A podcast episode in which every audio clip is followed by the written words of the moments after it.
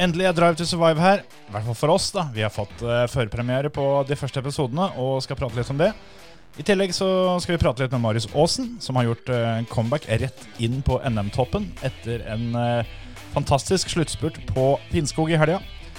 I tillegg så ser vi på litt annet som skjedde på Finnskogen, og tar en titt på det som skal skje i Finland til helga. Og det er denne ukas episode av Føremøtet. Three, two, one. Five left bus opens, 20, left six right bus to.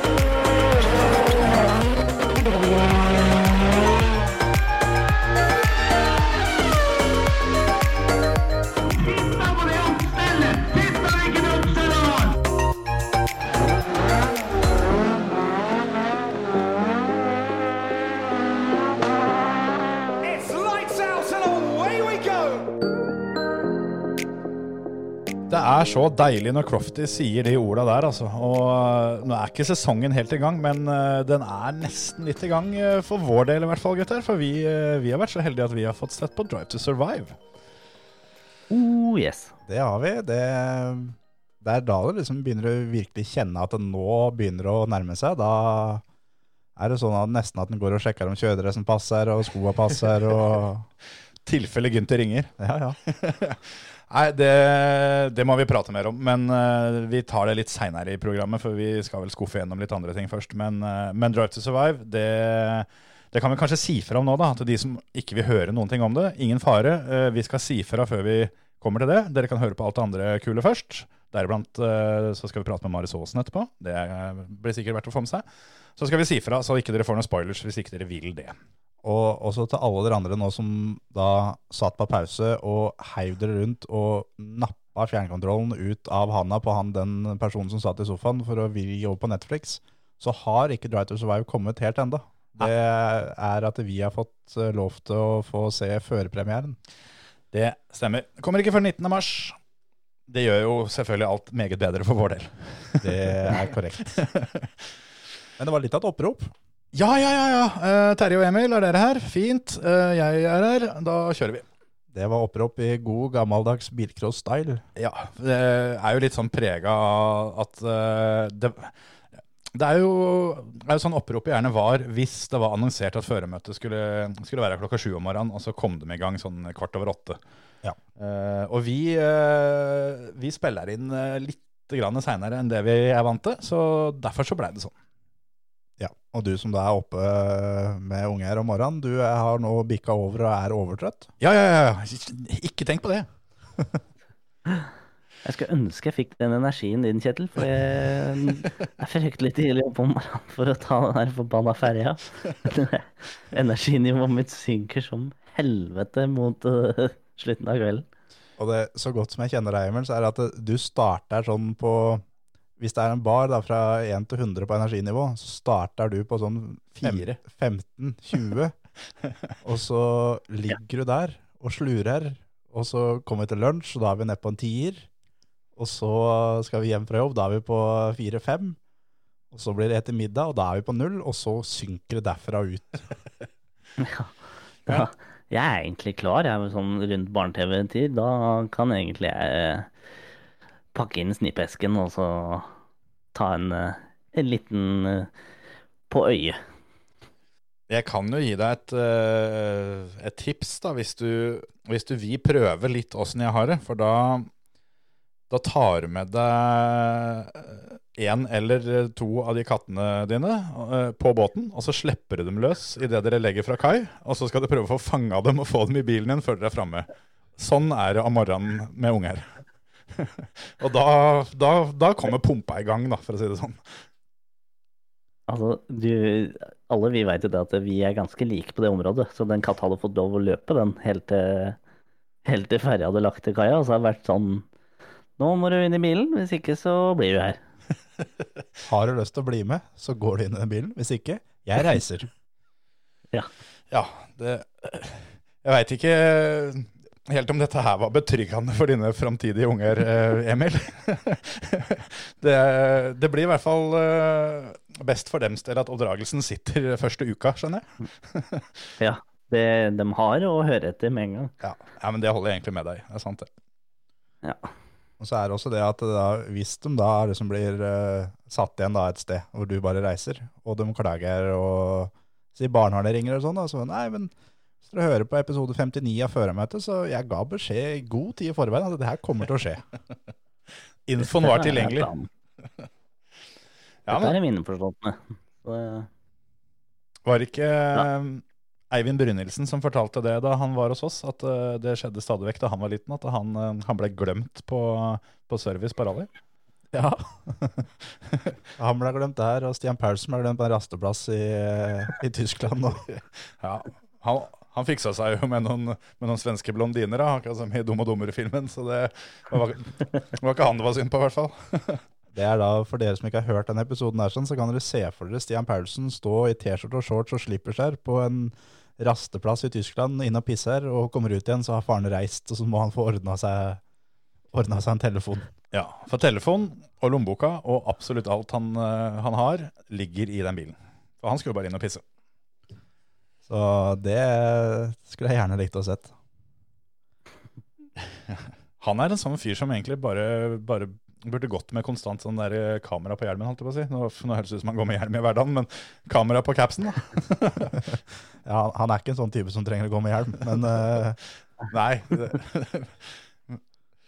Nei da. Men uh, samme det, samme det. Det, det ordner seg alltids uh, for de fleste. Om en blir satt igjen enten her eller der. Om man har hjelm eller ikke. Ja, egentlig det òg. Det er jo sant. Skal vi prate litt om eh, det som eh, har skjedd først, da, eller? Det kan vi. Da foreslo jeg eh, første NM-runde på Finnskogen, som var nå om helga. Det var gøy. Ja, det var kult løp. Og endelig så er de tilbake på NRK igjen. Ja, det må, ja, det må vi ta med. For, eh, for det er jo samme gjengen som, eh, som laga sendinga, som var på VGTV i fjor. Så det er jo ikke sånn voldsomt store forskjell. Men det er jo, det er jo på NRK i beste sendetid. Og ja, ikke- beste sendetid, men Halv elleve en søndagskveld, det er eh, ganske top notch. ja, altså for oss motorsportsfolk, så jeg husker jo når NM ble sendt klokka ett på natta. Ja, ja, ja. Så, det, eh, jeg husker også at jeg har sittet på Eurosport og venta på VRC og sett eh, både én og to timer med snooker først. Det er ikke alltid du er så heldig. Snooker er fett, da. Jeg syns det er gøy. Men du hadde ikke likt snooker, hadde det ikke vært for at du måtte pine deg gjennom det, og etter hvert skjønne at det, her- det her må jeg lære meg, for det her blir jeg sittende sånn her før den rallyen begynner. Ja, du er kanskje inne på noe der. Det er, sånn har jeg ikke tenkt på det før. Men øh, ja, du kan det. Du kan hende du har rett, faktisk. Men eh, ja, Finnskog så var det jo et uh, helsike startfelt. Det var eh, Vi kan jo nevne det sånn som eh, Marius Aasen, som vi skal snakke med etterpå. eh, Frank Tore Larsen, Henning Solberg, Anders Grøndal, Trond Sveinsvold, Kent Jonsrød osv. osv. i R5. Ja.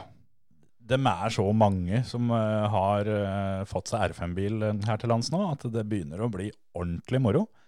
Det er jeg, ja, jeg kan ikke, Det tror jeg vi har vært inne, inne på før, men jeg kan ikke huske at det har vært så mange biler i toppklassen i NM noen gang. Altså.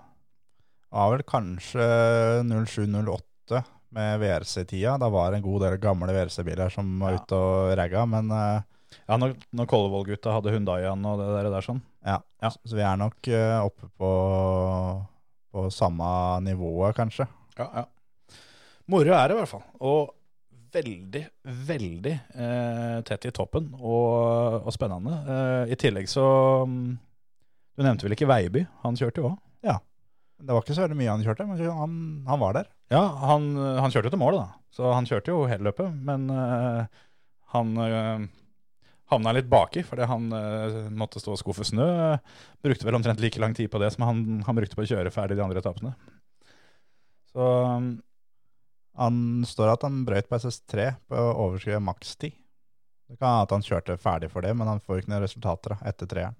Å ja, jeg mente eh, Ja, det kan hende jeg har misoppfatta hele greia. Jeg veit at han eh, sto i et kvarter og skuffa snø der, men eh, jeg trodde han Trodde han fikk kjøre de andre etappene. Men da gjorde han sikkert ikke det. Men hva syns du om, om resultatlista, Antonsen? Det er rimelig, rimelig tett i toppen der.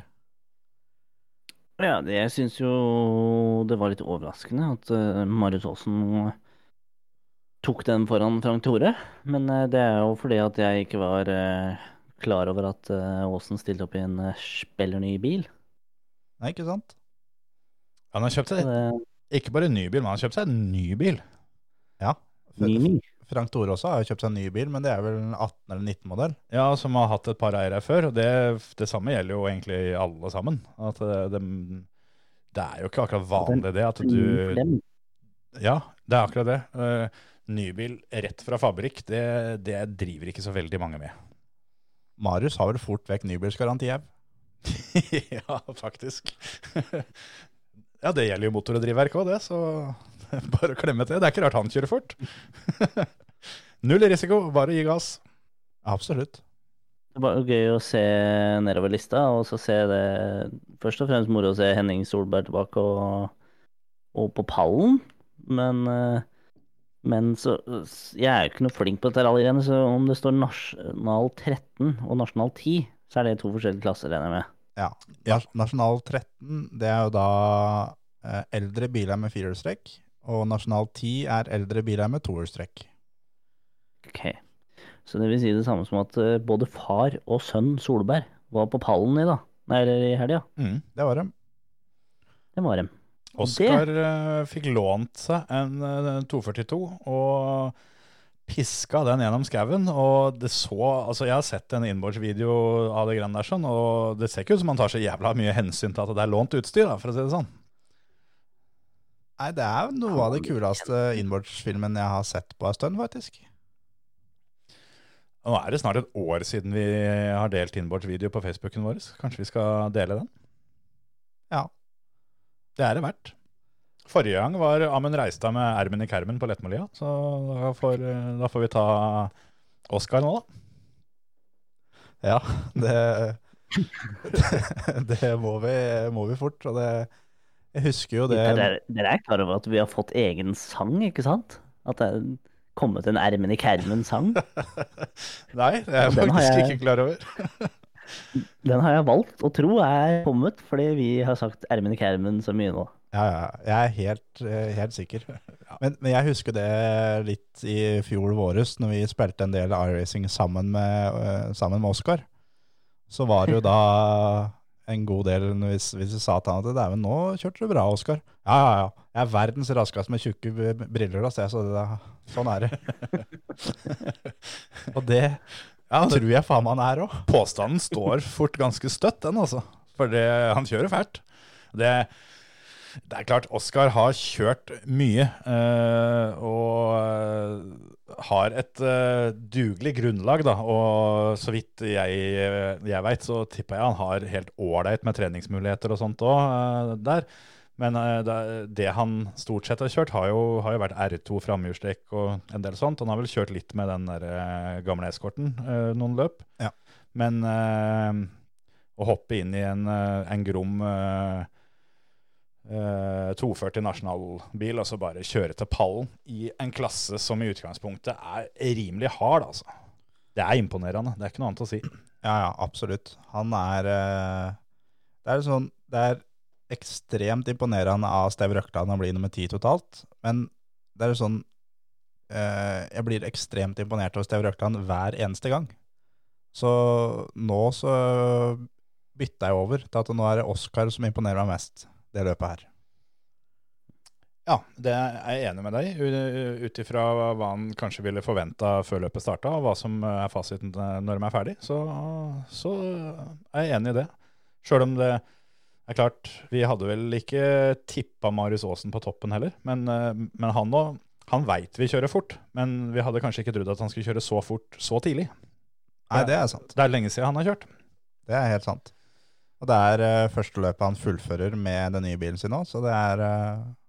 Jeg har jo hørt litt rykter om at han har vært uh, styggekjapp på, på test.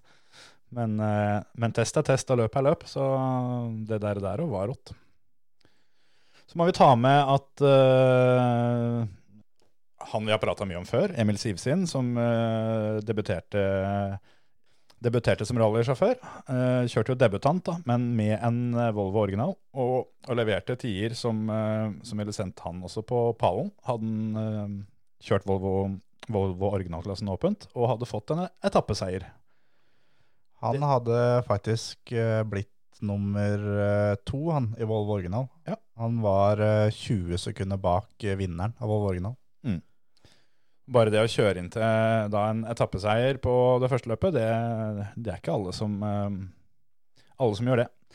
Men han hadde kjørt Volvo før, så det var jo ikke akkurat overraskende sånn sett. Men eh, kult, eh, kult å se. Så jeg veit vel ikke helt om eh, han har planer om å satse på rallyen, men eh, hvem veit. Han er en ung kar, så han har, har noen år å, å velge på enda. Absolutt. Vi kan jo ta med da at det er Håkon Sveen Frøsli som vinner i nasjonal klasse 13, og at det da er Steve Røkland som vinner i nasjonal, nei, internasjonal toerstrekker. Ja, R2-klassen, ja. Ja. Så var det vel Mats Peder Vamsdal som vant, uh, vant nasjonal toerstrekkerklassen, Uh, altså klasse 10-11. Ja, Og det er også ganske sjukt, for han hadde et minutt tillegg. Ja, det og tenkte jeg på. Han tok uh, fortsatt Olav Fredriksen med Skal vi se Han tok med 13 sekunder, så egentlig så slo han med 1 minutt og 13 sekunder. Ja, Og der eh, hadde, det, hadde det vært litt utregninger og, og litt planlegging i bilen før den eh, siste prøva. Han hadde, han hadde med seg Merete Halland som kartleser, og de hadde, etter det de sa da, hatt det litt travelt eh, på siste transport der. Og klemt den pedalen dugelig i bånn for, for å satse alt på den siste prøva. Og det, det holdt, det. Men å vinne med ett minutts tillegg, det, det er fett. Jeg har eh, hørt noen rykter om at uh, Marius Aasen hadde noen problemer underveis i løpet, så det kan vi få høre noe mer om det, om det etterpå. For han, eh, han vant jo da med drøye sekunder bare, ned til Frankeren. Ja, han eh, lå jo bak før, eh, eller lå jo på andreplass før eh, siste prøve, så det ble satsa litt der òg. Men eh, skal vi, skal vi bare ta inn Marius, eller? Prate, prate litt med han? Det kan vi gjøre. Du hører på Førermøtet, Norges beste motorsportpodkast. Ja, hjertelig velkommen til uh, nyvinnende og NM-leder i denne årets eh, toppklasse, Marius Holsen. Jo, takk for det. Hvordan Takk er det å komme tilbake og rett i tet? Nei, det er så klart veldig gøy, det, altså. Skal ikke legge skjul på det. Det er det. Vi kan jo det... kalle det et lite comeback. Ja, jeg har jo vært noen år uten Jeg kjørte jo et par løp i fjor, eh, sånn på vintersesongen, bare for litt, eh, for litt gøy. Men uh, som sagt så var jo det egentlig bare for litt gøy, og i år er det litt mer I år har vi jo tenkt å kjøre hele NM-sesongen, så da, da er det jo en uh, perfekt start. Det er helt klart. Det blei vel full pott med både totalseier og powerstage og hele smæla, gjorde det ikke det? Jo da, det blei det. Kan ikke få Det gjort det var så mye morsomt. bedre. Jeg visste jo, visste jo knapt nok at det var noe som het Power Stage i Norge. Så når jeg kom i mål og de fortalte om Power Stage, så var det ekstra gøy, det. Nå hadde vel du i utgangspunktet en del motivasjon før den der powerstagen i utgangspunktet, så det hadde vel ikke gjort noe forskjell, kanskje? Nei, nei, det hadde det overhodet ikke. Altså, som sagt så visste jeg egentlig ikke at det var, var noe som var Power Stage heller. Så det var jo det, var, det kom som en bonus, det gjorde det. Men opp gjennom eh, karrierene til flere, så er det flere ganger en, eh, en nesten vinner enn at en eh, akkurat klarer å vinne. Åssen er det å, å vinne et løp med 1,2 sekunder? Nei, jeg skal innrømme at det var veldig Jeg syns det var veldig kult. Vi var jo Altså SS1, 2 og 3 var på en måte, på en måte veldig kline og, og fine prøver for oss. Vi gjorde på en måte ikke noe feil og lå midt i veien. var ja, uten noe, noe drama i det hele tatt. Eh, På SS4 så klarte jeg å gjøre en liten feil eh, inn i et veidele som gjorde at jeg på en måte ble stående rett frem i et veidele. da. Og måtte rygge og, og surre litt. og det tapte vi vel en 10-15 sekunder på, tenker jeg. Og da ut den prøva, altså ut SS4, da skal jeg være ærlig og si at da gikk rullegardina litt ned. Da tok jeg i, tok jeg i bra, føler jeg. Eh, og da fikk jeg beskjed av kartleseren om at eh, nå måtte jeg bremse, men da ga jeg bare beskjed om at det, det gjør jeg ikke. og da egentlig når vi kom på SS5, da så hadde jeg på en måte tenkt at nå er det, dette er litt eh, det er nok sikkert litt for langt fram, men vi, vi, vi på en måte bare gjør det vi på en måte hadde tenkt til. Og, og, og kjøre, altså, kjøre utenom å gjøre noe feil, da. Og det, det funka jo egentlig veldig bra, det. Så det var egentlig ikke noe annet jeg hadde i tankene, skal jeg være helt ærlig, enn å på en måte virkelig bare konsentrere meg om eh, min egen kjøring og gjøre det så bra som mulig. Da. Hvor mye regner du på at du taper på en sånn eh, rygging? da? For jeg ser jo at du er jo snaue seks sekunder bak i mål på SS4. Ja, det var det, det var det som egentlig gjorde at jeg fikk litt sånn ekstra boost når jeg kom i mål, når jeg bare satt med alene. At eh, off, fy søren, nå, nå tapte vi mye, liksom. Hun var jo halvveis på vei. Hun skulle ta seg belte og gå ut og dytte og greier. For hun trodde jo det var det som var problemet, men problemet var jo at jeg fikk bare ikke bilen i revers. Eh, Så vi tapte nok en 10-15 sekunder, tenker jeg i hvert fall. Det går jo fort noen sekunder når du står, står helt stille i et veidel og må rygge altså to ganger da, for å komme deg videre. Da, går, da løper sekundene. Så det var en, Bortsett fra det, så var det på en måte et eh, feilfritt løp sånn, eh, sånn sett, egentlig. Det er jo det er lenge siden jeg og Marlene egentlig har sittet sammen i bilen på, på et såpass kall det høyt nivå da, med en sånn bil. Så det er klart vi, vi trenger litt innkjøring, vi, vi også, egentlig. Uh, så Marlene var litt sånn halvveis ut av noten et par ganger, og jeg gjorde en liten feil i det veidelet, men, eh, men vi kom oss jo helskinna gjennom. Men kan vi kanskje uh, ta den dit og si at det, var det veidelet som på en måte eh, fikk såpass fyr i dere at dere, dere sikra seieren, eller? Nei, i hvert fall ut SS4, for å si det sånn. Ja. Men SS5 og 6 var jo Hadde jeg egentlig lagt det litt bak meg, men det er klart det fikk jo litt fyr med tanke på at jeg jeg syns at vi var så veldig nærme på den prøva med den feilen jeg gjorde der, da. Mm. Tapte ti, og så, og så henta du fem på, på rein vilje etterpå, antageligvis. Ja, det kan hende. Det kan hende. Så jeg skulle ønske at jeg hadde hatt, uh, hatt innbordkamera. Jeg er så dårlig på sånn kamera og, og sånne ting. Så det hadde vært morsomt å ha hatt innbordkamera av den prøva der, syns jeg. Det, det er jo bare da for eh, de, dere som hører på, som er gode på kamera, bor i nærheten, få reist innom og få satt opp et kamera i den bilen. For det, det, det kommer flere veideler dette, denne sesongen. ja, det er det. Jeg ser jo at det var jo fryktelig sørpete der. Hvordan endrer du kjørestilen når det blir så sørpete? Ja, det er klart at når det, når det blir sånn sørpete, så blir det jo litt eh, Det blir jo litt det samme som når vi kjørte gokart. Det er liksom, Du må søke etter feste. Det ikke å Det er ikke, du, det er ikke sikkert du får kjørt den raskeste linja, på en måte. Du må bare følge de spora som er foran deg. Uh, egentlig, da.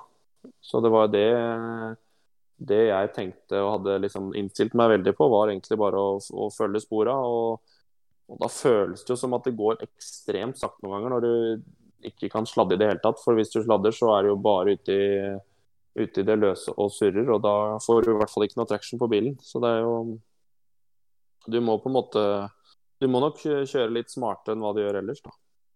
Du mister egentlig bare sporvalgfriheten.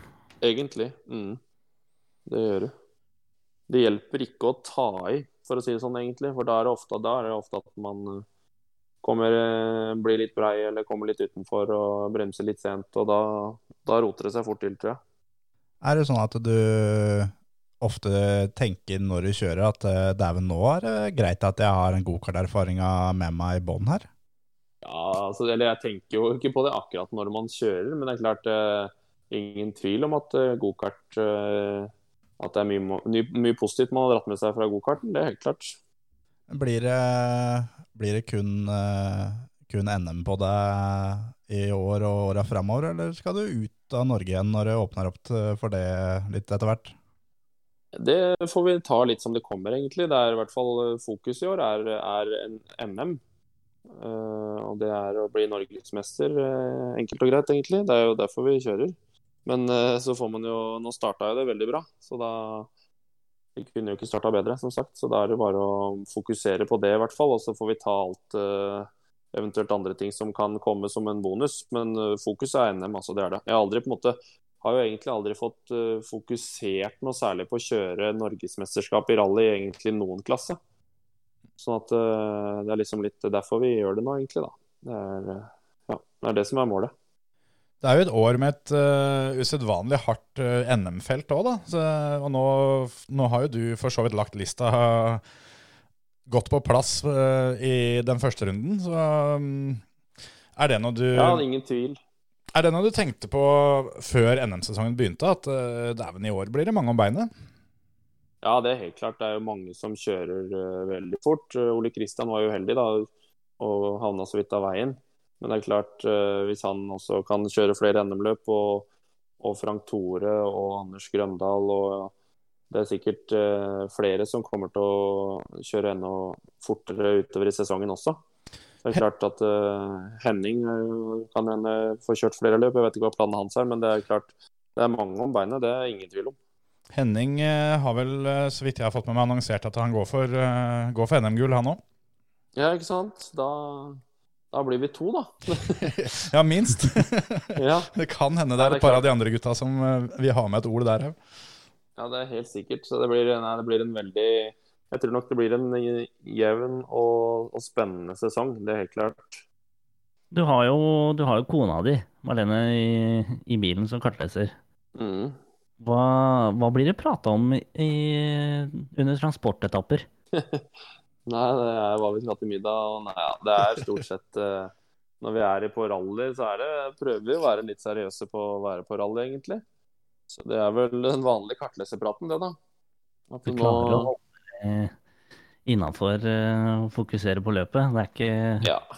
Det er vel Ja, noe det- det... sikkert, men eh, Nei, ja. Vi klarer egentlig det. Vi har jo faktisk kjørt noen, noen sesonger sammen også tidligere, både nasjonalt og internasjonalt. Vi kjørte jo junior-VM annet en sesong sammen og litt sånn, så, så vi har jo kjørt, eh, kjørt litt eh, Eller vi har kjørt mye sammen før også. Så det er eh, Når vi er på løp, så prøver vi, og da er vi på en måte fokuserte på det vi skal der, da. Hvem av, av dere to er det som er mest gira hjemme sånn tirsdag og onsdag før et løp? Er det er det ganske likt, eller er en av dere mm, gleder seg mer til, til rally enn andre? Jeg tror nok begge to gleder seg like mye, men eh, er jo, jeg er jo veldig aktiv med tanke på vedlikehold og skruing av bilen og sånn, så det er jo ofte at det er jeg som hvert fall eh, som, eh, som driver mest med akkurat det greiene der, da. Det er det. Men uh, Marlene er vel så ivrig, hun. Det er helt klart. Nå er det jo Sigdal neste, da. Eh, er det noen sånne spesielle forberedelser eh, før det, eller er det, er det et løp som, eh, som du trives godt på? Ja, Sigdalsrally er jo egentlig, kall det litt hjemmebane for meg, som egentlig, som egentlig flere. Men det er det løpet som ligger nærmest der jeg bor, da. Mm. Og det er et løp jeg, det er vel egentlig det er det og Hedmarken som er de norske løpa som jeg syns er kulest. Så jeg gleder meg enormt til Sigdalsrally, altså. Det gjør jeg. Så vi Mm. får bare krysse fingrene for at det blir, eh, blir eh, At det blir gjennomført, da. I hvert fall sånn litt etter planen. Mm. Mm. Nå er det vel eh, Kom det vel nyheter i, i dag som vi spiller inn, da, at de har i hvert fall fått godkjenning av kom, kommunelegen. Så nå er det vel egentlig minusgradene det står på, så vidt jeg har skjønt. Ja, det er, vel, det er vel det. Jeg så noen bilder derfra i dag også, så det ser ut som det fremdeles er bra med snø og, og is på veien også, egentlig. Men det er klart, hvis det, hvis det blir bare plussgrader frem mot løpet, så, så tærer det vel på. Men, øh, men for, for min del så spiller det ikke Det spiller egentlig ikke noen rolle om det er mye snø eller mye is eller hva det er. Det er, det er jo Det er jo på en måte arrangørene som må ta ta avgjørelsen på om de får muligheten til å arrangere løpet eller ikke. Vi får jo ikke gjort så mye med det uansett. Jeg skulle jo nesten håpe at det blir eh, sørpe, sånn som det det var på, på Finnskog, sånn for din del. Ja, jeg syns jo det er jo bedre hvis det hadde vært litt hardere veier, egentlig. Så, men det er Det blir jo på en måte Jeg spiller ikke så stor rolle egentlig for meg. Det er jo likt for, eh, for alle som kjører uansett, hvordan, eller forholda sånn sett. Så det får vi ta når vi kommer dit. Men jeg har et spørsmål som jeg har lurt på ganske lenge. For når en kjøper en ny bil eh, hos en bilforhandler, så er det jo den der nybillukta. Den er veldig spesiell. Kommer den Ja. i en rallybil? Nei, altså det er en spesiell lukt i en rallybil, men om det er noe særlig sånn nybillukt, det tror jeg ikke. Eh, men det er en spesiell lukt, det er det. Det er vel mest racefuel det lukter, men Ja, det er herlig. Det er ikke feil heller. Ja. Nei, nei, nei. nei. Hva er det som er største forskjellen på på splitter nye kjerra og Fiestaen som du kjørte tidligere? Nei, hva er forskjellen, da? Uh, ja, det er jo forholdsvis like biler sånn sett. Altså, er det, jo, det er jo en stund siden jeg egentlig kjørte Fiestaen, så det er litt sånn vanskelig å, å sammenligne sånn veldig. Men det er klart Svodan er en, eh, det er en fantastisk stabil og fin bil som er veldig kontant, uh, syns jeg. Den, den lystrer veldig eh, raskt på hva du, hva du vil at den skal gjøre. da. Så jeg trives veldig godt i, godt i bilen. og jeg Største forskjellen er vel nesten at jeg har pedalene lenger fra, så jeg sitter mye bedre i den, egentlig. Det er uh, veldig viktig, det. Å sitte behagelig og når en skal ta i det en kan. Ja, det er helt klart det, altså. Det er det. Så jeg er jo, eh, ja, er jo 1,90 høy, så det er jo ikke alle som er så høye som meg. Men da, i hvert fall for min del, sånn sett, så er Skodan veldig mye bedre å sitte i, faktisk. Hva, hva syns kona? Hvem er bedre å sitte i? Nei, det tror jeg faktisk ikke hun har sagt noe om. hun, uh, hun sitter jo så langt ned og så langt tilbake uansett, så de merker vel ikke noe så- særlig forskjell. Det går vel på, men, går vel på demperne, kanskje. Ja, det hun i hvert fall sa, er at det er stor forskjell å sitte på Skodaen kontra å sitte på i Subaruen. Ja. Så det er i hvert fall positivt, da. Men det, er, det sier jo de fleste kartlesere, det at man føler seg mye tryggere når man sitter på en sånn type bil kontra en annen. Da, for at det er så mye mer Du kjenner liksom bevegelsen i bilen, og med en gang man er på brems, så kjenner man det jo, for det er bevegelse da òg, ikke sant. Mm. Så, så ja. Men da tenker jeg at vi skal runde av herfra, Marius. Og så ønsker vi deg og, deg og kona lykke til på Sigdal, og håper at det går veien der òg. Jo, takk for det. Vi skal i hvert fall eh, gjøre vårt beste, vi, når vi står på startstreken der, så det er ingen tvil. Da ønsker vi deg lykke til. Takk skal du ha. Ha det. Ha det. Ha det. Ja, det var Marius Aasen, som for øyeblikket da er helt på toppen av eh, NM i rally. Leder der da, etter ett løp. Så er det nytt løp igjen allerede neste helg. Og der eh, gjorde eh, Marius en debut, faktisk. Debut hos førermøtet. Det gjorde han. Koselig at han ville. Absolutt. Marius er en vi kjenner fra, fra gokarten, Emil. Vi har jo kjørt mye kart sammen med han, og vært mye rundt, rundt om i landet sammen med, med han opp igjennom. Ja, nei, jeg glemmer ikke den hvite peltoren med det første. Nei, ikke jeg heller. Ikke med det andre heller, faktisk. Nei. Dere to som er litt grann opptatt av hjelmdesign. eh, Det blir ikke noe favorittstempel hos dere når det kommer med helt hvit ulakka hjelm? Nei, og ikke når det er peltor. Ok, det er, Så det er verre enn at han er hvit? Ja, ja. Altså, peltor i seg sjøl er ikke så ille, men den type peltorhjelmen som var da, den lette gokarthjelmen du kunne presse gjennom toppen av hjelmen på med tomlene, den uh, var verken bra eller pen. Nei, det er akkurat det. Men, eh, men uh, til tross for hjelmen, så var Marius fryktelig, fryktelig dyktig allerede i gokarttida. Så det er ikke overraskende at han, at han vinner her og, og leder NM. Han kommer til å bli en, en harding å få slått utover sesongen. Det tror jeg absolutt. Han Jeg tror nok han uh, satte skapet på plass uh, for de andre gutta òg. Det er flere der som, uh, som skjønner nå at de, de må de må dra opp sokka om morgenen hvis de, hvis de skal være med og fighte på det. Det, er sånn, for det mye tyder jo på at Marius fort kan bli enda kjappere etter hvert som han får litt flere mil i den bilen og i kroppen. Så Akkurat det tror jeg gjelder for Frank Tore Larsen òg. Så det, det blir en eh, helvetes fight eh, det året her, sånn, for det, Frank Tore han kommer til å dra sokkene så langt som han kan. Han kommer til å ha sokkene sånn rett oppunder lysken når han skal kjøre på Sigdal. hjemmebane for begge to.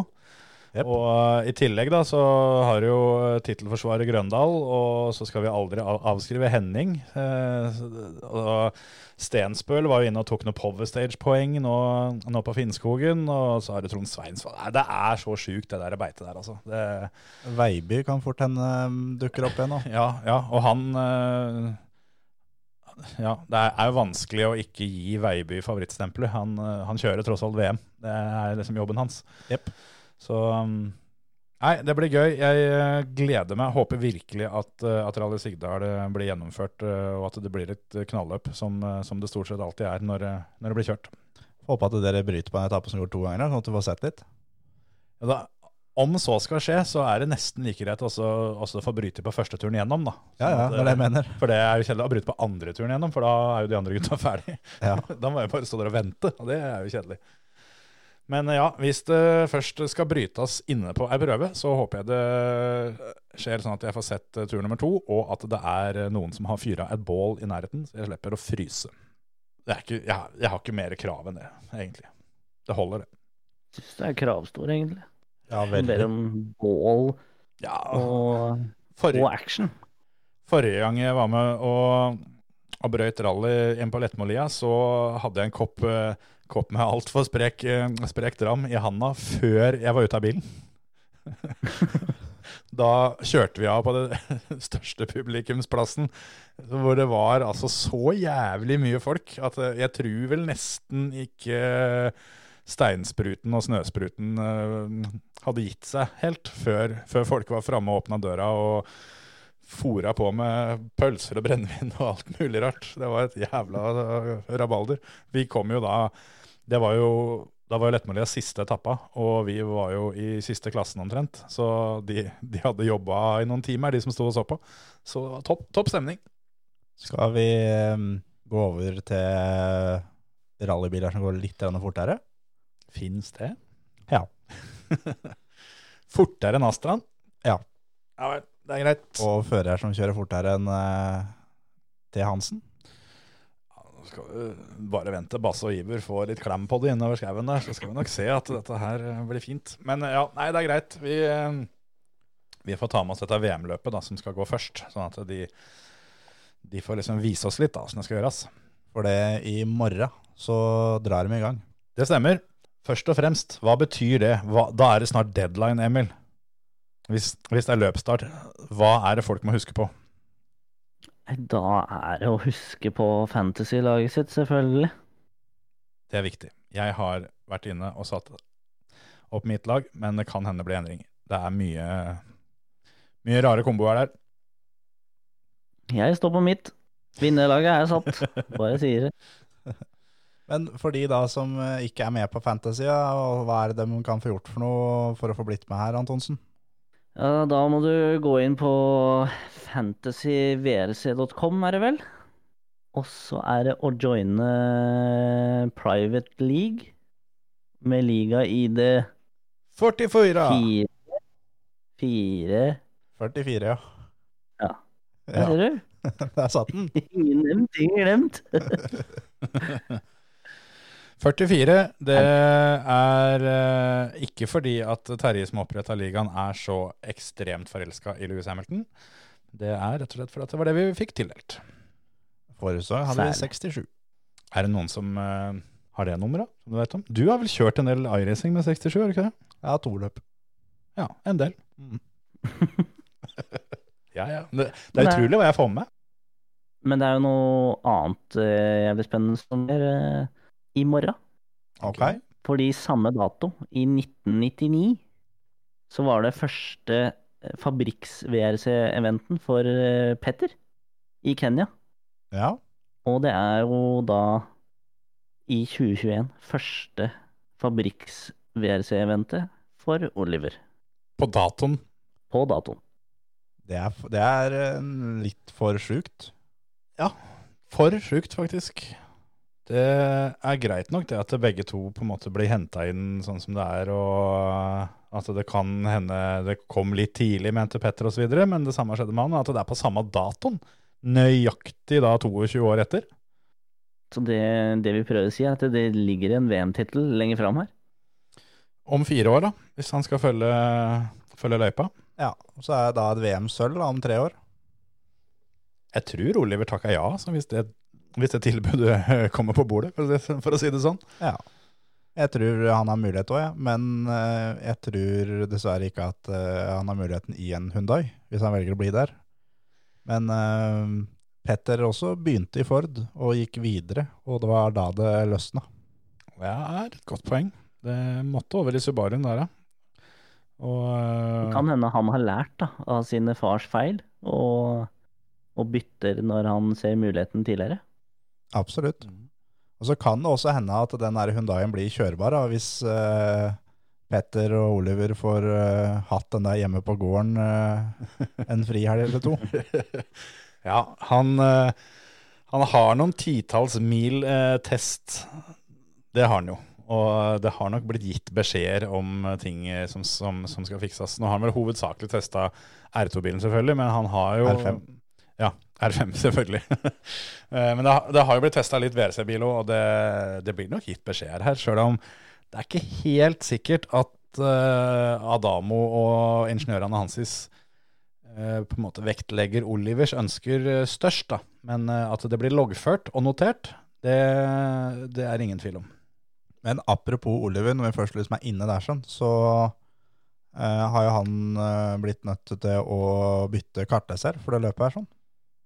Aaron Johnson, som han vanligvis har med seg, han eh, dro hjemmefra, han eh, i god tru og skulle til Finland og, og være med å kjøre løp. Men uh, testa negativt for, eh, for korona før han dro hjemmefra, og testa positivt når han kom fram. Og da hjalp det ikke det at han visstnok da har testa negativt eh, flere ganger etterpå. Så mye tyder jo kanskje på at han ikke er syk, at det er en såkalt falsk positiv test som eh, forekommer eh, innimellom. Det er jo ikke 100% feilfrie, disse, disse testmetodene heller. Men det hjelper ikke. En positiv prøve er en positiv prøve, og da, da får ikke han være med. Gjør ikke det. Så det er eh, Seb Marshall som skal inn og lese noter for eh, Oliver. Og jeg tror Oliver er litt sånn som uh, For det er også en annen nyhet, at Eivind Brynildsen skal kjøre løpet her. Og der så det lenge ut som at han ikke fikk lov til å ha med seg sin egen kartleser. At han måtte da ha kartleseren til sjåføren han skulle ta over for. Ja. Ja, Ambulasia, eller hva han heter for noe. Ja, Ja. Da sa Eivind det at hvis det skjer, da, så da skal jeg gi han en tur han seint kommer til å glemme. ja. Og litt sånn tror jeg det blir for Oliver her nå, at han driter i litt hvem som sitter på. For det holde, fast, holde seg fast blir nødt til. Han får være med. Det er bare å henge på. Eivind skal ha med seg, ha med seg Veronica Engan som, eh, som kartleser. Det er vel noen år siden de kjørte sammen. Så det, det å prater jo Eivind en del om i den episoden eh, som vi har med han. Så kan jo de som er interesserte gå tilbake, og finne den og høre hele historien om det. Det snakker jeg Veronica om òg, faktisk, når hun er her. Ja, Vi har hatt eh, begge dem på besøk, så det var hyggelig. De skal kjøre i team med Andreas Mikkelsen for Talksport med Skoda Fabia R5. Begge to. Jep. Oliver kjører da Hundai VRC, og eh, blir første nordmann i VRC-klassen siden Mikkelsen kjørte Hundai. Ja. Så det blir gøy. Det blir gøy. Jeg tror dette her blir moro, og Seb Marshall er jo en erfaren fyr. Det er jo da kartleseren til Chris Meek gjennom veldig mange år, så han har vært med på det meste som går an å være med på, tror jeg, eh, når de har vært på løp. For Han var vel bare med for Meek mot slutten, vel. For når det gikk så inn i helsike dritt for Meek, så tenkte han at det feilen ligger nok hos kartleseren, så han bytta ut han derre Paul Nagel og henta inn Sam Marshall, og det fortsatte å gå akkurat like dritt. Ja, ja. Nei, det, det er et godt poeng. Han eh, begynte for Meek i 2019, ja, når Meek bytta til eh, Toyota. Ja. Så var det, var det Seb Marshall da som har uh, For fuck's sake, Chris. Nei, det er uh, Paul Nagel. Det var han, ja. Når han dro ut på parkeringsplassen der. Ja, ja, jeg hadde tenkt å si det. At han eh, står for uh, At han var mannen bak et av de kuleste sitata fra kartleserstolen, men det, det var han ikke, da. Men så er det jo det, altså Seb Marshall er jo da på en måte vant til at føreren sin prøver å ta livet av han. ja. Så det å sitte på med en, en ungkar fra Torsby med, som heter Solberg til etternavn, så det kan ikke bli noe verre enn Chris Meek, Tror han. tror han. Nei, det blir spennende å se. Ikke en overraskelse der. Oliver er jo kjent for ufattelig detaljerte noter, da. så vi får håpe han uh, takler uh, den overgangen der uh, good. For eh, hvis Oliver får, eh, får notene sine levert sånn som han vil, så kommer han til å kjøre fort. Ja, det tror jeg òg. Men jeg tror han også kommer til å holde igjen en god del for å komme seg til mål. Ja. Sjøl om de skal ikke kjøre så fryktelig, fryktelig langt. De skal kjøre 156 mil fartsetapper. Så det er ikke, sånn, det er ikke et veldig langt løp. 156 kilometer. 156 miles. Ja. Og hva er det? Det er miles. Det er miles, ja. Så kan du gange med 1,6 altså for kilometer. Ja. Men 156 mil hørtes ut som litt i andre enden av skalaen enn De skal ikke kjøre så fryktelig langt.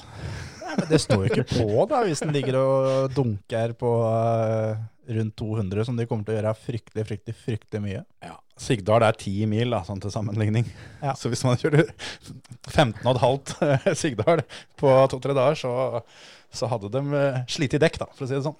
Ja, det er for så vidt sant. Men uh, det jeg egentlig skulle fram til, er at de skal kjøre ti fartsetapper. Det er ikke så fryktelig, fryktelig, fryktelig mye. Nei. Skal kjøre shakedown og to etapper på fredagen. Så skal de kjøre to etapper på søndagen. Så skal de kjøre seks etapper på lørdag. Ja. Eh, nå holdt jeg på å begynne å krangle, men det var fordi at du sa fredag, søndag, lørdag. Og det Ja, men det er jo Det fordi at du sitter her at jeg gjør akkurat det, da. Ja, nå ble, det, nå ble det krangling allikevel, sjøl om jeg ikke skulle krangle. Det er jo det er herlig. Det er, eh, det er sånn det skal være, det, rett og slett. Ja, det er deilig.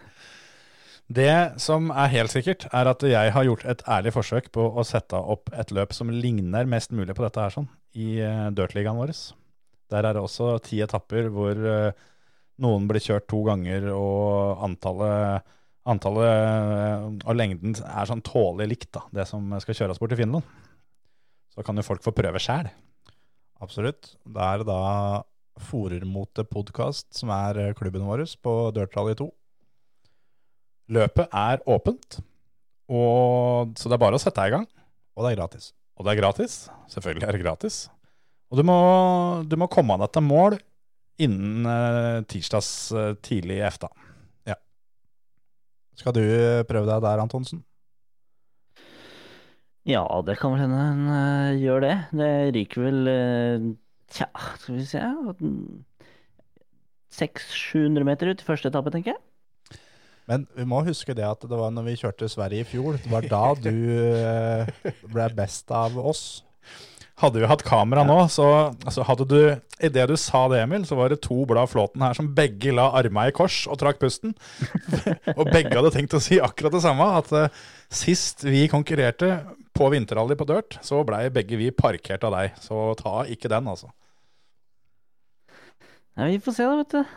Det kan hende en finner fram noe ordentlig god rytme på snøen, men eh, det er jo Snøen er mitt eneste håp, for jeg må lene meg på noen brøytekanter. Ja, du må ha noe som tar deg, tar deg imot når det bremser for seint. Ja. Når du får den derre 'å faen, det er sving her', ja. ja. Å, det var høyre han sa, jeg. ja. Ok, jeg trodde det var venstre. Den andre venstren. Men i helvete, sa han ikke 200, da? Ja, og nå, er, nå er, det jo, er det som sagt da flere av prøvene som eh, Eller alle prøvene, eh, hvis ikke jeg tar helt feil, skal da kjøres to ganger. Og det kommer til å være oppkjørt andre gangen, så er folk uh, litt klar over det. Det blir spennende. Tror jeg, da. Men uh, vi må jo kjøre utrent. Ja, ja. Ikke tenk på det. Det er bare Det er gøy når dere har kjørt gjennom alle etappene først. Det er bare en av oss som veit hvilke etapper det er, og som har mulighet til å trene, og som helt sikkert har trena litt i forkant. Ja, det, det er faktisk feil, for løpet ligger allerede ute. Og der er det bare å gå inn og se hvilke etapper det er. Da, da endrer jeg en, da. At da er det bare én av oss tre som har kjørt gjennom og trena litt i forkant. Og det er ikke meg. Det er ikke meg heller. Nei, Da er det Emil, da. Altså, rattet mitt står her borte, så det er ikke meg. Ja, mitt ratt òg står, står der borte. Ja. Ja, ok da. Hvis jeg tar det på kamera, da. Ja, det, det. det hjelper jo ikke de som, Hvis de som hører på, så hjelper ikke det noe. Og der, ja. Nå sitter Emil og vifter med et ratt uh, i løse lufta her. Det, det gjør en forskjell, det kan jeg være enig i. Ditt Ja. står nok fastmontert. Ja, Mitt skal egentlig stå her hvor jeg eh, hvor har hendene mine eh, foran meg. I det øyeblikket mitt ratt er like løst som ditt, så er søpla neste. For mitt, mitt kan ikke ta seg. Nei, Du skjønner at jeg, jeg har ikke Jeg vil si du har fancy rigg i forhold til meg, Kjetil, når det kommer til hvordan du sitter. Nå tenker jeg ikke på pedaler og rattet sjøl. Nei, nei, men jeg Men, er enig i det. Det, det har jeg egentlig sagt til dere i ca. et år. At eh, til å holde på med dette her så jævla mye, så må det snart være mulig å få kutta ut en kontorstol med hjul på, når du skal drive og, og kjøre loadcell bremsepedal som det, som det skal ha litt trøkk i. Ja, Men- men, nå, nå bygger jeg mancave, da. Så der kommer riggen. Ja, ja.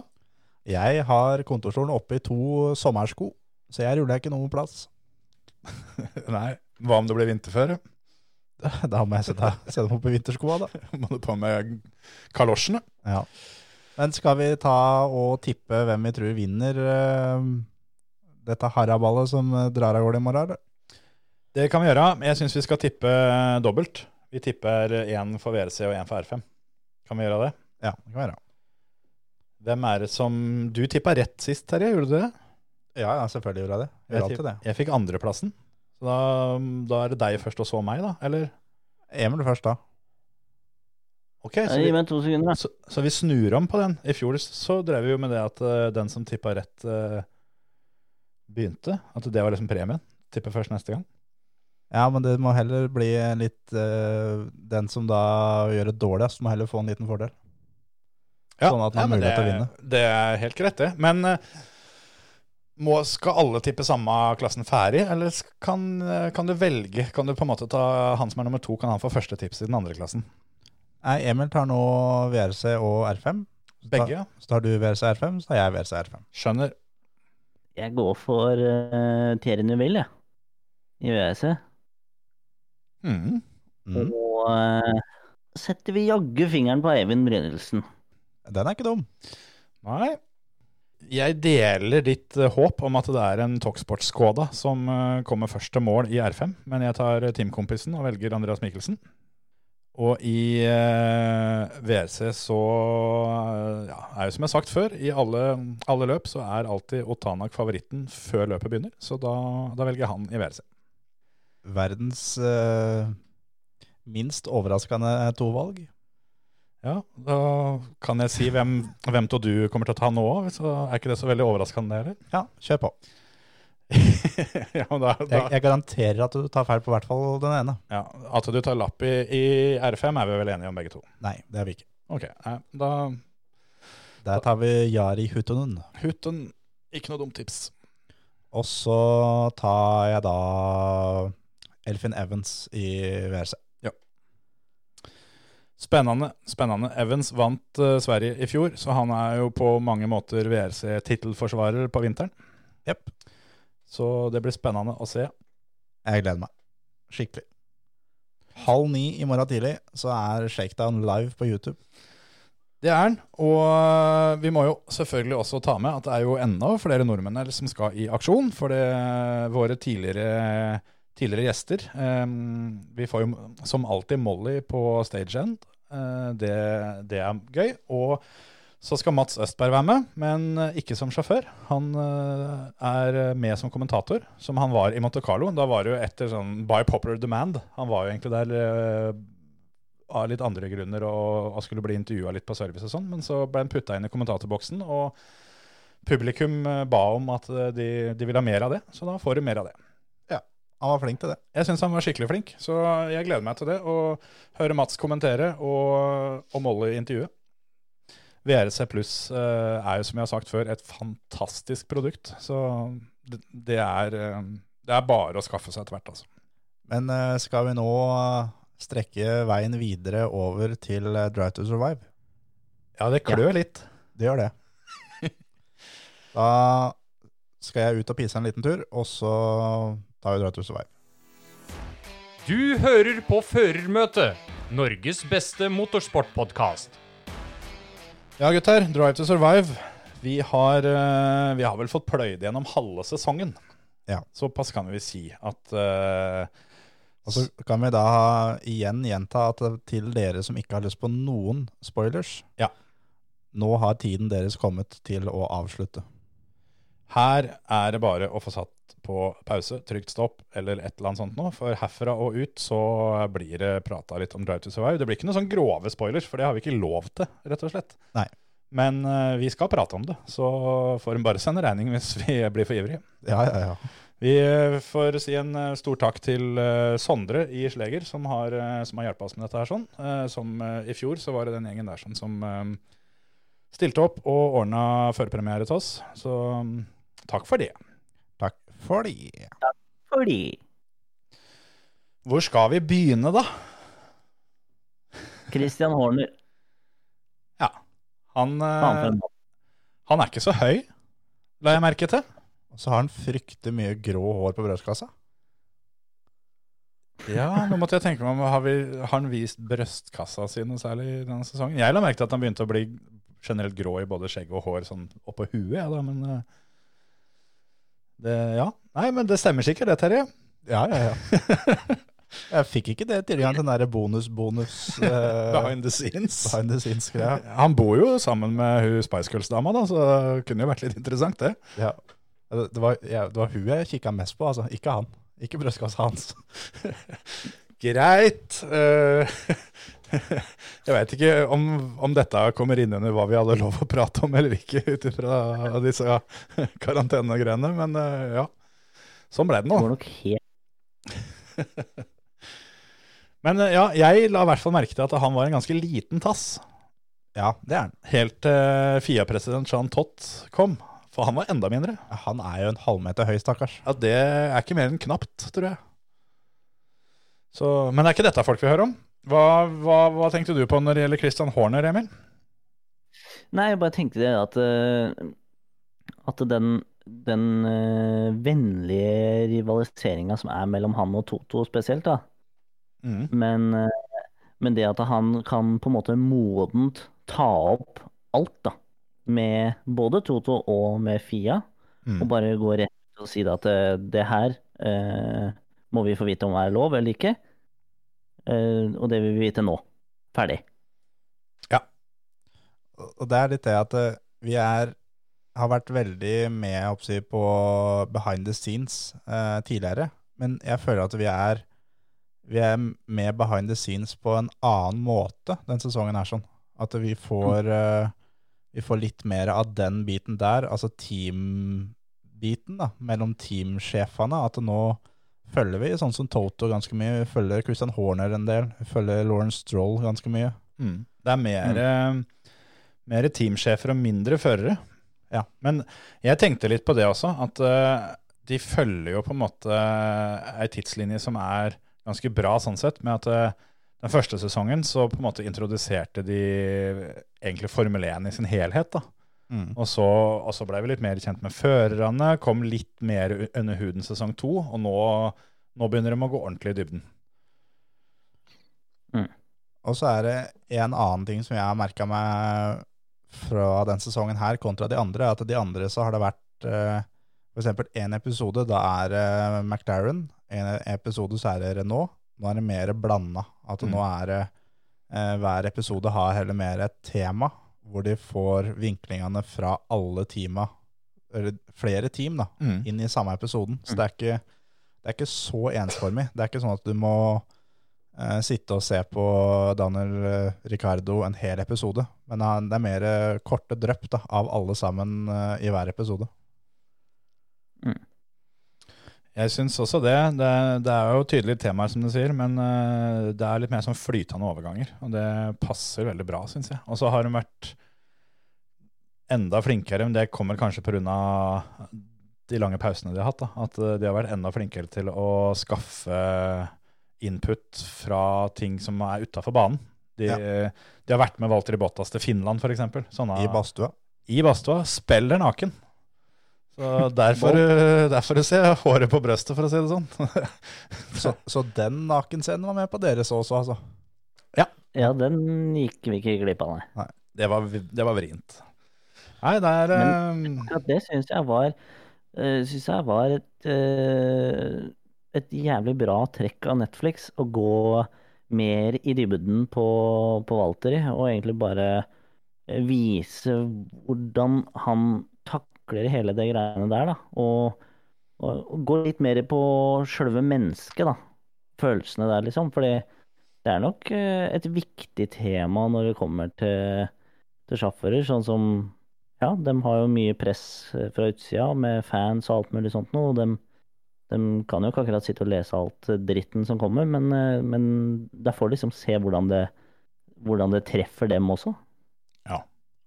Og jeg syns i episoden med Walter Bottas, som eh, det er veldig mye om han, så kommer det enda mer fram at Walter Bottas blir aldri noensinne verdensmester så lenge Louis Hamilton har en jern på huet.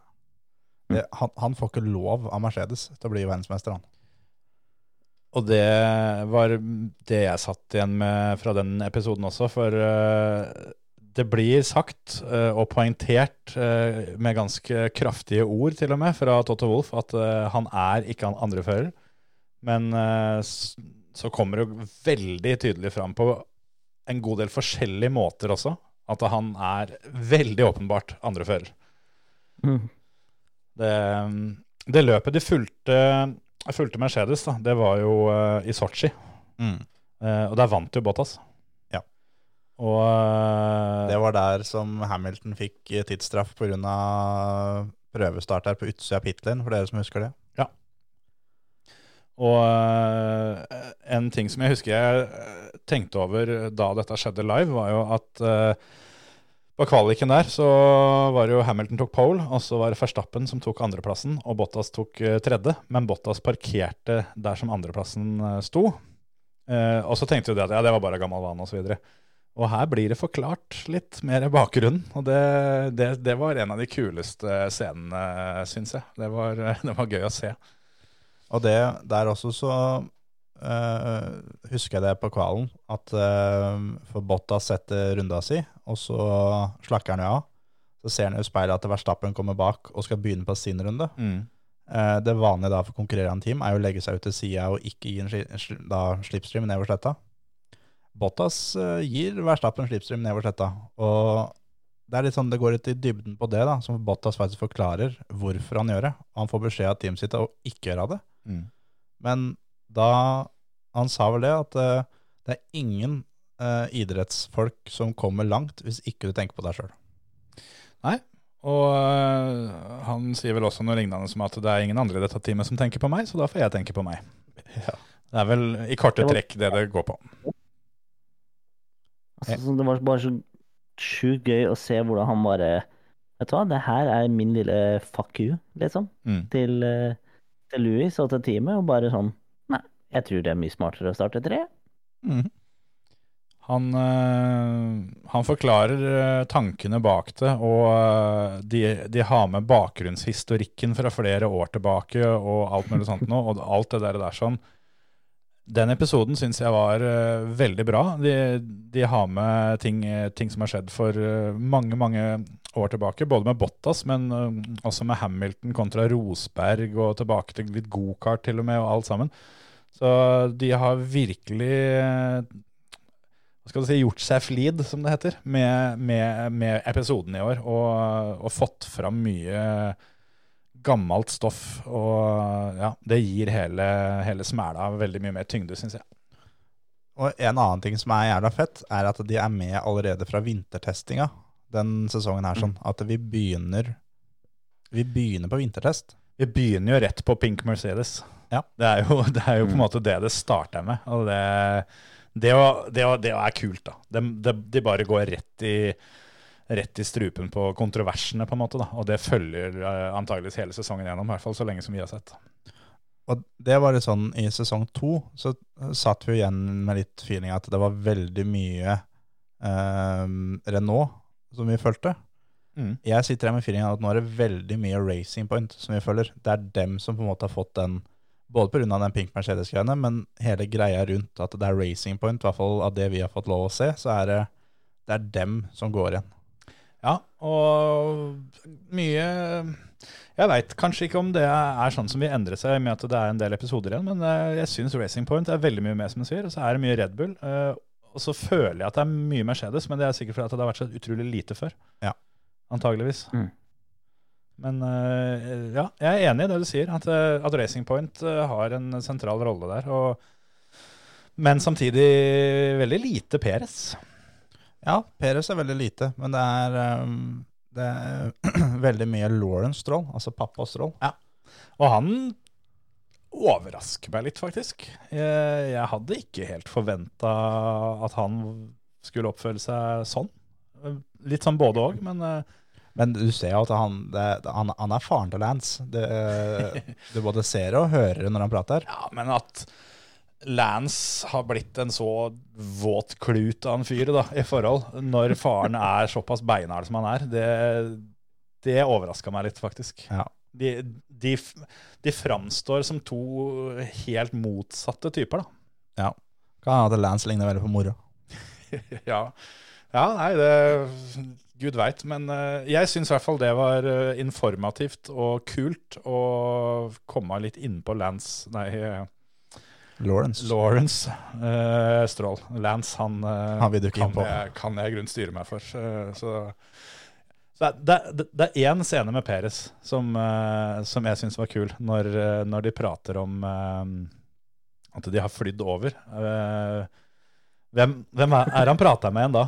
Er, er ikke det Gunther, da? Jo, så så jo. Gunther sier at nei, han skal fly det flyet, så skal han fly det flyet, skal Ja. fly det flyet. Så bare, Hæ? Han har mellomlanda der, og så skal han fly til London, og så har han flydd dit. Og så, Ja, men, ja, men flyr du ikke privatfly, gutten min?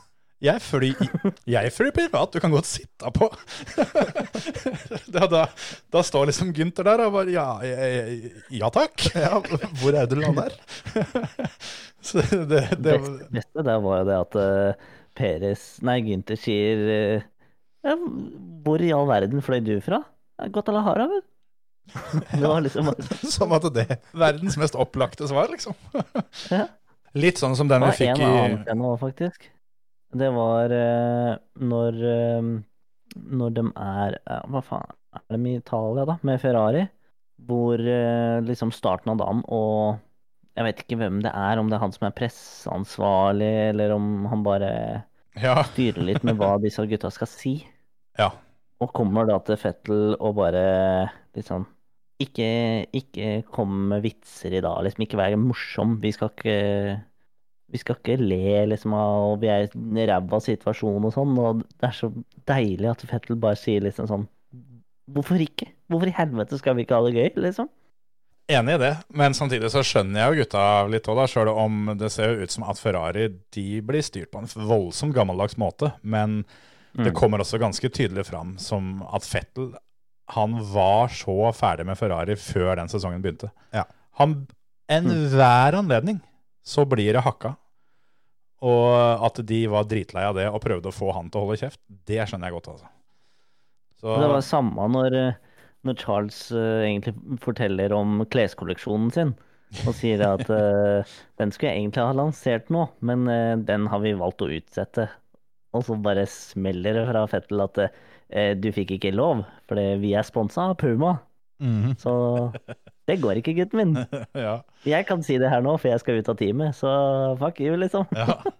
Og så er det en eh, scene også hos Ferrari hvor eh, Charles får, eh, eller begge førerne får beskjed om at når det er på pressetreff, ikke sitt og se på telefonen, for det ser jævla dumt ut og uproft ut. Og så sier liksom Charles at ja, ja, men jeg følger jo med, men jeg veit jo hva han skal svare for noe, så det, det er ganske kjedelig. Og Vettel snur seg den, altså. Ja, bare vent til du holder på med det her like lenge som meg, så skjønner du hva kjedelig er.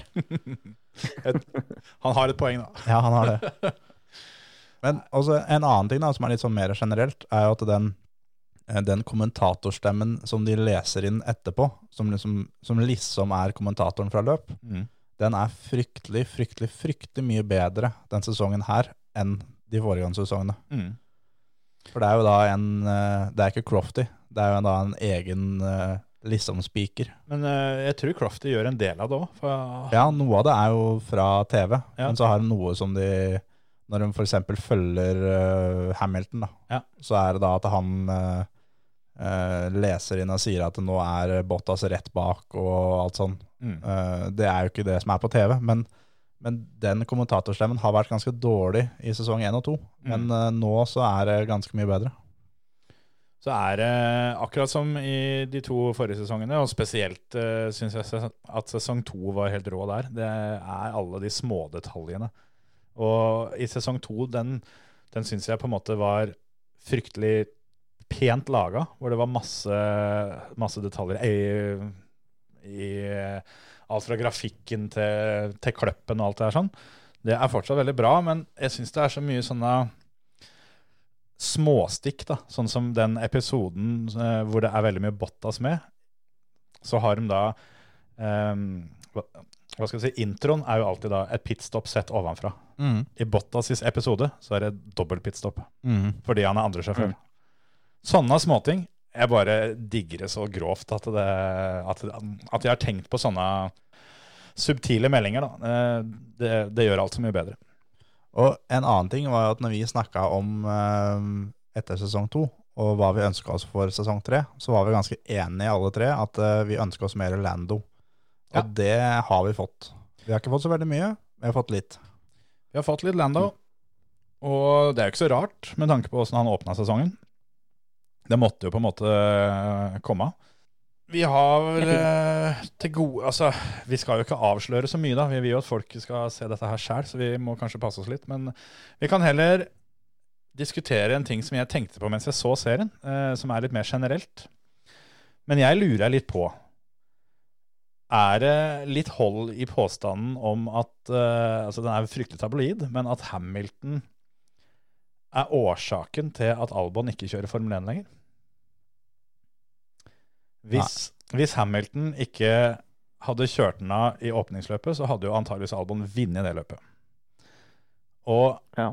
med tanke på Vi vet jo alle at uh, den sjøltilliten der, og det blir det snakka ganske mye om òg, at, eh, at Horner er så opptatt av det. Han må få den første pallplassen og få helst den første seieren, for, for da er hele mindsetet ditt an annerledes etterpå. Men det å sparke en fører som har en seier, er jo én ting. Og jeg sjekka resultatene hans, og han, han er jo forholdsvis eh, stabil. Sjøl om eh, jeg satt igjen med et inntrykk av at dette her gikk dritt. Men han ble kjørt av fra det som var en forholdsvis eh, sikker En forholdsvis sannsynlig seier der, da. Og det, han ble kjørt av en gang til også seinere i, i sesongen, men jeg husker. At det, Ja, var ikke det sesongen før, da? Slutten av 2019? I Brasil, ja. Men, Ja. men det var tre. Det var, det var Brasil, Red Bull Ring, og så, og så mente jeg det skjedde en gang til. Det er jo selvfølgelig å dra det langt, men, men om, om Hamilton ikke hadde kjørt ned i åpningsløpet, så han hadde, hadde fått seieren der, sånn, så tror jeg faktisk Alexander Albon fortsatt hadde, hadde sittet i den bilen. Ja, kan hende. Mm. Det er store muligheter for det, både, både for sjøltillitens del, men også det at han hadde hatt noe mer resultater å vise til. Selv om ja, de veit jo at han hadde hatt en pallplass om ikke han hadde blitt kjørt av, muligens også seier. Men allikevel, han, han fikk den ikke. Nei da, absolutt ikke. Og han bryter aldri løp, sa jeg. Det har vel bare i hans Formel 1-karriere skjedd to ganger eller noe sånt, hvis ikke jeg tar helt feil. Men så er det det at jeg tror Red Bull der, som vi har snakka om før, at de går mer på veldig inn i detaljer. At de ser at f.eks. i medium speed corners, da, Mm. altså ganske kjappe svinger, så taper alltid Albon eh, et tiendedel til maks. Ja. Eh, det er ikke sikkert det er det som stemmer, men det var bare et eksempel. At det er, det er sånne ting, da, at uh, siden han har fått en oppgave med det, da, at eh, eh, du er nødt til å forbedre deg på det området der Mm, og så gjør han det ikke. og så gjør han det ikke. Ja. Uh, at det er heller litt sånne ting da, som er grunnen til at de da går vekk fra det. For det, Horner sier jo i, helt i starten, første eller andre episoden, at han, eh, han på en måte lanserer Albon som, eh, som sesongens eh, store overraskelse. At dette er mannen som kommer til å på en måte ta folk på senga og, og, og bli det, årets, årets gjennombrudd. da. Ja. Tok, og så ender han med å gi inn sparken isteden. Så der kan du snakke om fra å ikke innfri forventninger, sånn sett. da. Ja, absolutt. Men jeg må ta en ting som jeg er, som jeg er litt skuffa over i det vi har fått sett i sesong tre, kontra de to andre sesongene. Det er lyden. Ok? Lyden er så fryktelig ujevn denne sesongen her. Oppsi kontra intervju og biler. Mm. Bil, Billyden er så usannsynlig høy i forhold til alt annet. Mm. Kan selvfølgelig være at vi har en uh, uferdig versjon. Uh, Ja, det kan hende. Vi får nesten håpe. Jeg har ikke tenkt så mye over det. Jeg, jeg har tenkt at jeg la merke til flere lyd, eh, smådetaljer i fjor. Men uh, jeg har jo sett eh, årets eh, episoder med ordentlig lyd og headset og alt sammen. Men eh, jeg har ikke tenkt over det. Jeg kan eh, melde meg enig med den der, fordi jeg skrudde opp lyden for å få med meg ordentlig hva de sa, for vi har jo ikke tekst og så.